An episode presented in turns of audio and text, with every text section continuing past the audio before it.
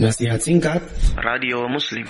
Hendaklah masing-masing kita masuk ke dalam hatinya dan bertanya kepada diri sendiri. Bagaimana saya menatap dunia?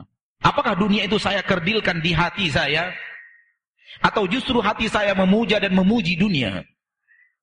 Kalau jawabannya bahwa hati saya masih memuja dan memuji dunia, hati saya masih mencintainya, membesarkannya dan menyatakan bahwa dia adalah sesuatu yang harus dikejar, sesuatu yang harus diraih, sesuatu yang harus dihasilkan, sesuatu yang harus digapai dengan apa pun cara, dengan apa pun teori, maka kita tidak selaras dengan apa yang diajarkan Allah dan tidak selaras dengan apa yang diajarkan Rasulullah sallallahu alaihi wasallam.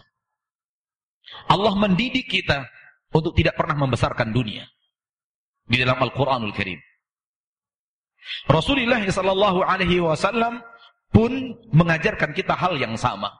Berikut beberapa ayat dan hadis Nabi kita tercinta sallallahu alaihi wasallam yang dengannya kita buktikan bahwa Nabi Muhammad sallallahu alaihi wasallam mendidik umatnya untuk tidak membesarkan dunia di hati mereka. Dan selalu saja jalan yang diajarkan Nabi sallallahu alaihi wasallam akan bertabrakan dengan jalan orang-orang yang tidak beriman dengan Nabi sallallahu alaihi wasallam.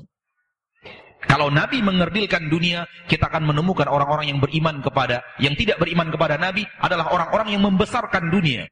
Yang selalu mempertuhankan dunia. Yang selalu mengajak kita untuk menggantungkan cita-cita kita setinggi langit di kehidupan dunia dan kemudian tidak ada cita-cita ke akhirat.